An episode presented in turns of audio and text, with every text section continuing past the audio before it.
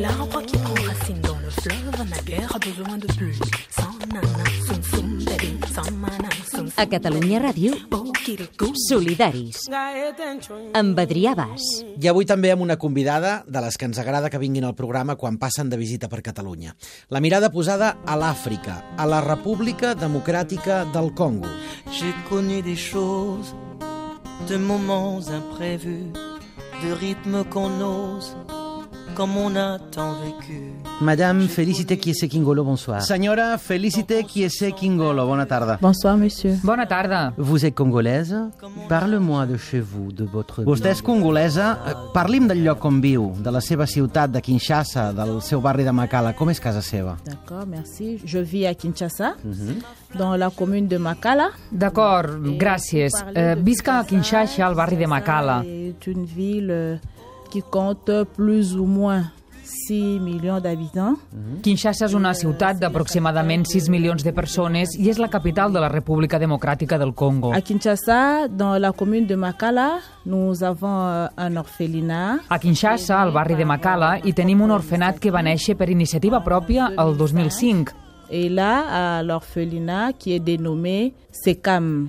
SECAM qui veut dire secours. I es diu SECAM, que vol dir atenció als nens congolesos per un futur millor. C'est que la réalité sociale de Makala? Quina és la realitat social de Makala? Makala, c'est l'une des communes les plus pauvres de Kinshasa. Makala és un dels barris més pobres de Kinshasa. est caractérisée par euh, le, la non-fréquentation de l'école. on la població es caracteritza per l'absentisme escolar dels joves Un taux élevé de chômage pour les adultes. i per una taxa d'atur elevada entre els adults. Euh, comme vous avez dit, vous êtes aussi un avocat et de votre expérience... Com vostè ha dit, vostè també és advocada i és a partir de la seva experiència com a experta en adopcions que fa gairebé 12 anys va decidir crear aquest orfenat, oi? Sí, Il, il était dit que seulement à Kinshasa, il y a Diu que només a Kinshasa hi ha 18.000 nens abandonats al carrer. d'où ces enfants viennent et pourquoi personne se, se soucie d'eux. D'on venen aquests nens i nenes? Per què ningú se n'ocupa? Oui, effectivement, d'après euh, les analyses de l'UNICEF de 2015, il y a plus sí, ou moins efectivament, 18 000 segons les enfants anàlisis dans la rue. d'UNICEF del 2015, hi ha més o menys 18.000 nens i nenes al carrer. Nosaltres ens ocupem d'una part d'aquests nens i són els que tenim a l'orfenat. Et à l'orphelinat, les enfants, ils sont abandonnés. Il y en a qui sont abandonnés déjà dans des maternités. Il y en a qui sont abandonnés dans la rue par euh, des... N'hi ha que són abandonats als hospitals en el mateix moment de néixer i n'hi ha que els pares els abandonen al carrer perquè no volen acceptar les responsabilitats de la paternitat. Bon, ce phénomène euh, s'explique par euh, la crise accrue, une crise sociale accrue. Això s'explica per l'augment de la crisi, de la crisi social, en un país en el que no hi ha feina, en una població on la pobresa és extrema. Où les jeunes ne, ne connaissent pas très bien la valeur des études. En una població on els joves no coneixen prou bé el valor d'estudiar, en una població on les noies no estan ben informades de les seves responsabilitats com a mare... Donc, euh, c'est tous ces phénomènes-là qui font que... Per tant, són totes aquestes circumstàncies les que fan que s'abandonin els nens. Est-ce que la situation de filles, de petites filles est différente de celle des enfants I és diferent la situació de les nenes a la dels nens?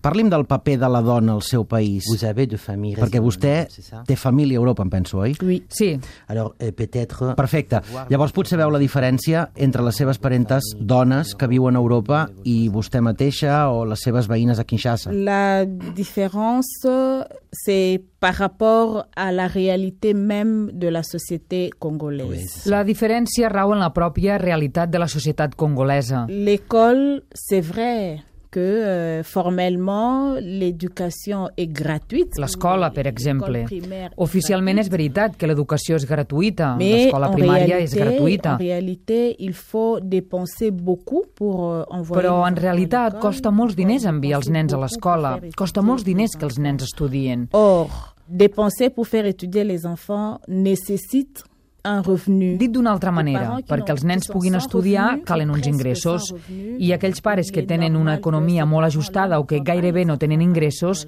és normal que no envien els seus fills a l'escola. Une fille, c'est encore plus grave pour les filles. I encara és més greu per les nenes.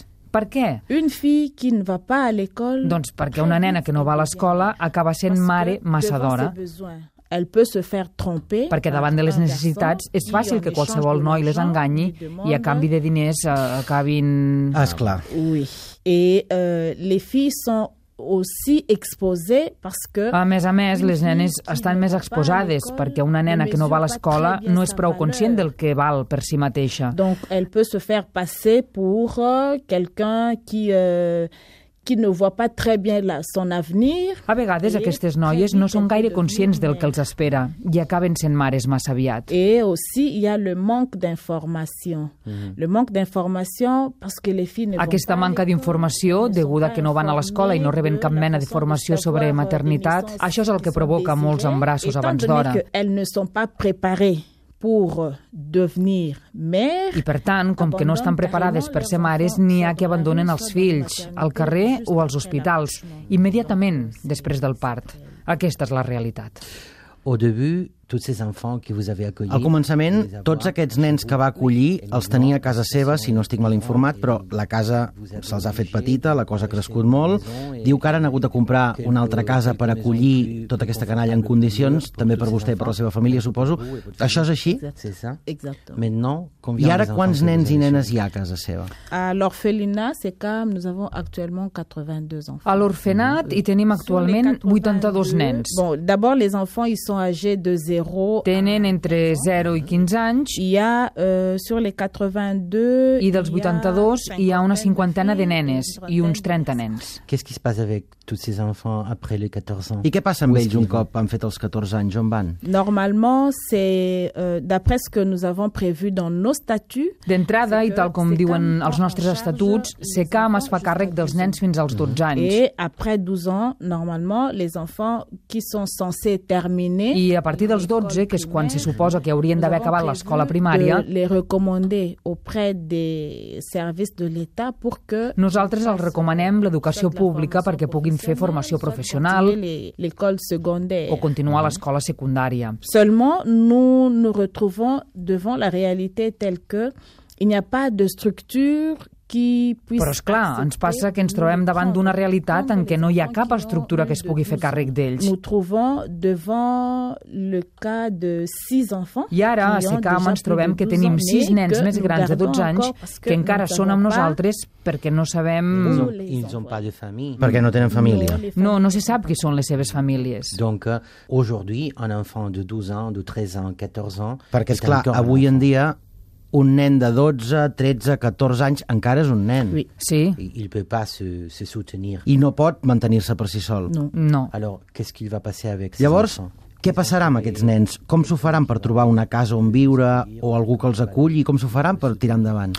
Exactement, c'est devant ce combat que eh, nous nous retrouvons actuellement. Exacte, és davant d'aquesta lluita que ens trobem actualment i ens veiem obligats a trobar una solució per a aquests Parce infants. que les ayant pris dans la rue, ayant supporté une bonne partie de l'école... Mm-hmm. Perquè després d'haver-los tret del carrer, després d'haver-los garantit gran part de l'educació primària, que és la base de la seva educació, no els podem pas tornar a deixar al carrer, perquè això significaria destruir tot el que hem construït amb l'esforç de tothom. Donc, nous sommes obligés de trouver des solutions, soit prolonger notre vision... Per tant, hem de trobar solucions per garantir que la nostra feina no se'n va en orris, com per exemple fundar el nostre propi centre de formació o, en tot cas, obrir una escola perquè puguin continuar la secundària. Donc c'est devant euh, cette... És davant d'aquesta realitat que ens trobem en aquest moment. C'est pour ça qu'en plus de Ahà, l'orphelinat... Ah, i, I és per això que, a més de l'orfenat, teniu una escola i també teniu un comerç a Macala, oi? Exactement. Quel est le, le but A què es dedica aquest comerç? Euh, le magasin, au fait, que nous appelons communément boutique. Ah ouais? C'est un petit commerce, si je peux le dire ainsi. C'est un magasin que nous avons mis en Més place. que un gran comerç, és més aviat mm, una botiga de barri.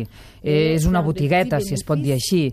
I l'hem posat en marxa amb la intenció de fer alguns diners i poder contribuir així Roger. Ah oui, à notre projet. al nostre projecte. Les adoptions du Congo sont suspendues actuellement en Espagne. Pourquoi Les adopcions de nens del Congo a l'estat espanyol es troben suspeses ara mateix. Per què? Euh, les adoptions internationales sont suspendues, non seulement pour euh, l'Espagne, mais pour tous les, les- les pays. Estan suspeses totes les adopcions internacionals, no només amb Espanya, sinó amb tots els països, perquè hi ha hagut molts abusos per part De de... réception ceux qui- de, de pays. oui. Per part dels països receptors, vol dir. Sí, que de la part de, de nos propres institutions. sur- i sur també per part de place. les nostres pròpies institucions locals. C'est compte tenu de, de cela que il a fallu prendre un moratoire. Per això es va establir una moratòria que va suspendre les adopcions fins a nova ordre C'était jusque à ce que la loi portant sur l'adoption internationale soit revue. i fins que la llei d'adopció internacional sigui revisada,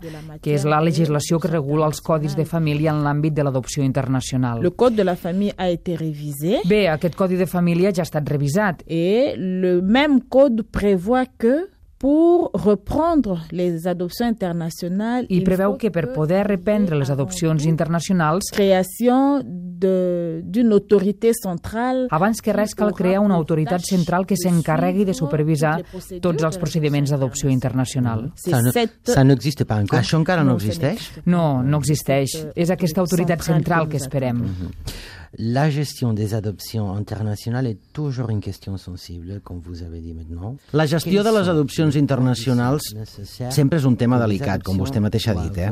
Quines són les condicions mínimes necessàries que han de tenir les adopcions per complir amb totes les garanties jurídiques i perquè es preservin els drets fonamentals dels nens i de les nenes? Exactement, c'est que euh, la plus grande mesure de sécurité. Sí, exacte. La mesura de seguretat més important és que els països que intervenen... Bé, abans d'això, deixi'm dir que l'adopció no és un assumpte entre C'est individus. une affaire entre deux gouvernements. És un assumpte entre dos governs. Ce qui veut dire que les candidats à l'adoption, ils sont gérés par leur gouvernement. Això vol dir que els sol·licitants d'adopció han de ser representats pels seus governs i tot el procediment i els dossiers d'adopció s'han de vehicular a través de l'autoritat competent. De même, le pays qui reçoit... De la mateixa manera, el país que rep les sol·licituds d'adopció i que té nens que necessiten ser adoptats també gestiona o posa en marxa les mesures adequades per acompanyar cada procés. Quand euh, les, les gouvernements sont impliqués... Així que els governs s'impliquen en el procediment d'adopció internacional ja és una bona garantia. Per tant, la qüestió és que respecti la legislació nacional de cada país i aquesta és la segona garantia. Et puis une troisième garantie, c'est que même après l'adoption, I després, una tercera garantia és que immediatament després de l'adopció hi hagi les mesures següents, que els adoptants estiguin obligats a informar, ja sigui cada trimestre o semestre, a les autoritats o entitats dels països que han donat els seus fills en adopció. Així que tot depèn de quines mesures s'estableixin per garantir o per assegurar qualsevol procediment d'adopció internacional. Pour garantir, par exemple, qu'il n'y en a pas d'organisation. Per garantir, per exemple, que no hi hagi organitzacions criminals de tràfic de persones que se'n puguin aprofitar, suposo. Exacte, Est-ce que exacte. vous pensez que les adoptions du Congo à l'Espagne vont se récupérer Creieu que es restabliran les adopcions entre el Congo i l'estat espanyol? nous pensons et nous espérons. Ho creiem i ho esperem, perquè es tracta de protegir els infants. Nous, nous ressentons le besoin pour euh, les enfants. És la nostra voluntat que els nens tinguin una família. Sincèrement, la place d'un enfant, ce n'est pas dans un orphelinat. Francament, els nens no han d'estar en un orfenat. No és el seu lloc. El lloc dels nens és en una família. Avec l'adoption, la question est réglée parce qu'un enfant... I amb el sistema d'adopcions això està solucionat, perquè els nens tenen la possibilitat de deixar l'orfenat i anar a viure amb una família. I en aquest context de família construeixen uns referents. El nen té un pare, té una mare, té un nom. El nen se sent a casa seva, se sent segur. Et nous soutenons l'adopció internacional. És així que ha de ser i per això nosaltres defensem el sistema d'adopcions i desitgem amb totes les forces que reprengui l'adopció internacional, sobretot pel bé dels nens. Perquè ara per ara els nens que són a l'orfenat tenen una referència col·lectiva. Sí, sí, esclar. Ils ont une référence commune. Bon, ils m'appellent maman, maman, c'est vrai. Ils appellent mon mari papa, c'est vrai. Tenen una referència col·lectiva i a mi em diuen mama i al meu marit li diuen papa i està bé, però tot i que ens diguin mama i papa, saben que no som els seus pares de veritat. En canvi, un cop adoptats, se sentiran part d'una família, ben integrats, tindran una referència de debò i això és beneficiós per ells. En tant qu'avocat, Félicité, croyez-vous qu'un jour nous pourrons parler du Congo Com a advocada, Felicité, creu que un dia podrem parlar del Congo de manera constructiva i amb una perspectiva real de desenvolupament en lloc de parlar de guerra, de coltant, del treball infantil o del treball a les mines? Oui, monsieur, la paix, c'est tout être humain qui veut la paix. Nous voulons la paix. Vostè dirà, tots els éssers humans volem la pau, i nosaltres també. No ens agrada gens sentir a parlar de guerra ètnica a l'est del país. No ens agrada sentir a parlar d'aixecaments a tor i a dret. Tot això no ens agrada. Nosaltres volem la pau, no volem la guerra. Volem que arribi la pau i que s'instal·li al país amb totes les nostres forces.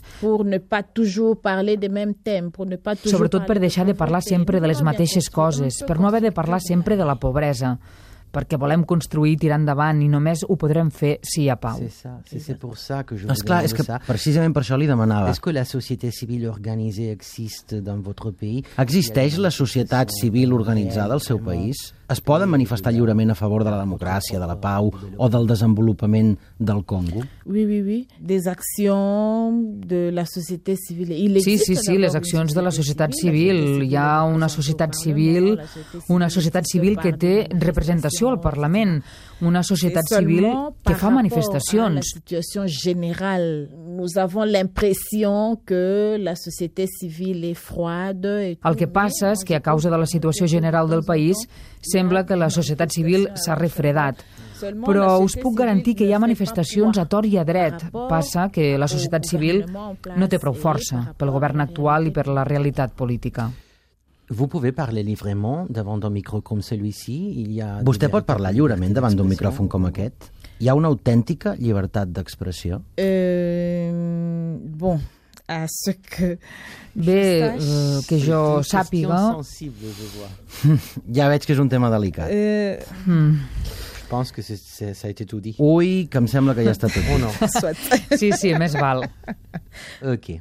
Està clar. Vous êtes ici euh, parce qu'en Catalogne, vous avez une organisation... I ara vostès a Catalunya, perquè aquí hi ha una entitat social que col·labora i que els ajuda a impulsar l'orfenat, l'escola i la botiga. Parli'm d'aquesta ONG.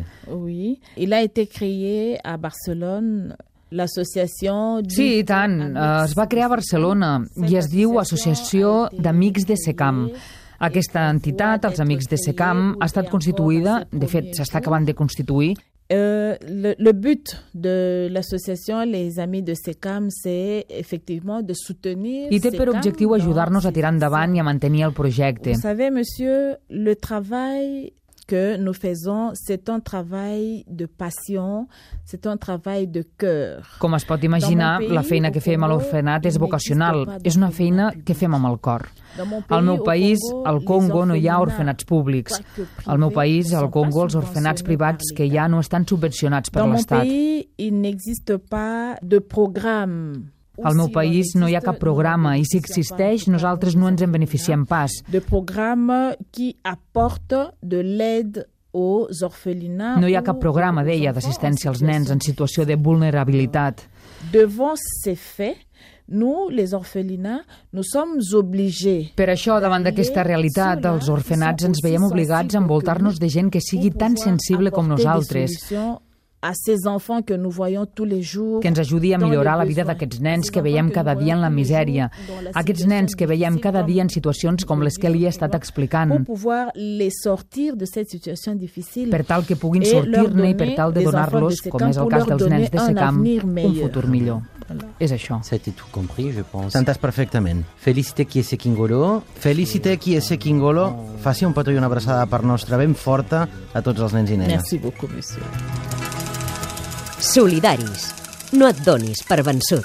lala natoka. Les entrevistes, els reportatges, les seccions dels col·laboradors. Descarrega-te'ls a catradio.cat barra solidaris.